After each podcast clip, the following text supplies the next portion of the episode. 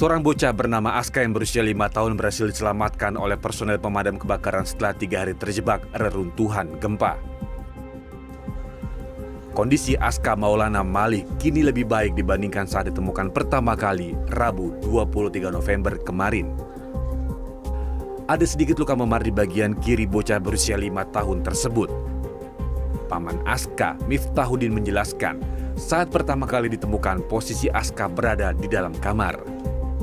Nah, alhamdulillah ditemukan ini di posisinya di kamarnya. Jadi tertimbun dengan puing puing beton itu lantai dua. Tapi eh, si betonnya itu terganjal terganjal oleh lemari.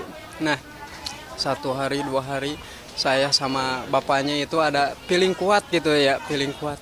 Wah ini pasti Aska eh, ada di kamarnya gitu. Pasti tertimbunnya di situ gitu.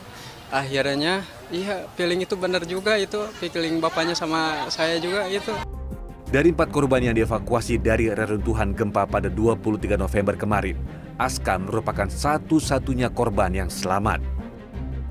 Menurut data BNPB saat digelar konferensi pers, diperkirakan masih ada sekitar 40 korban yang masih tertimbun dan belum ditemukan. Tim Liputan CNN Indonesia.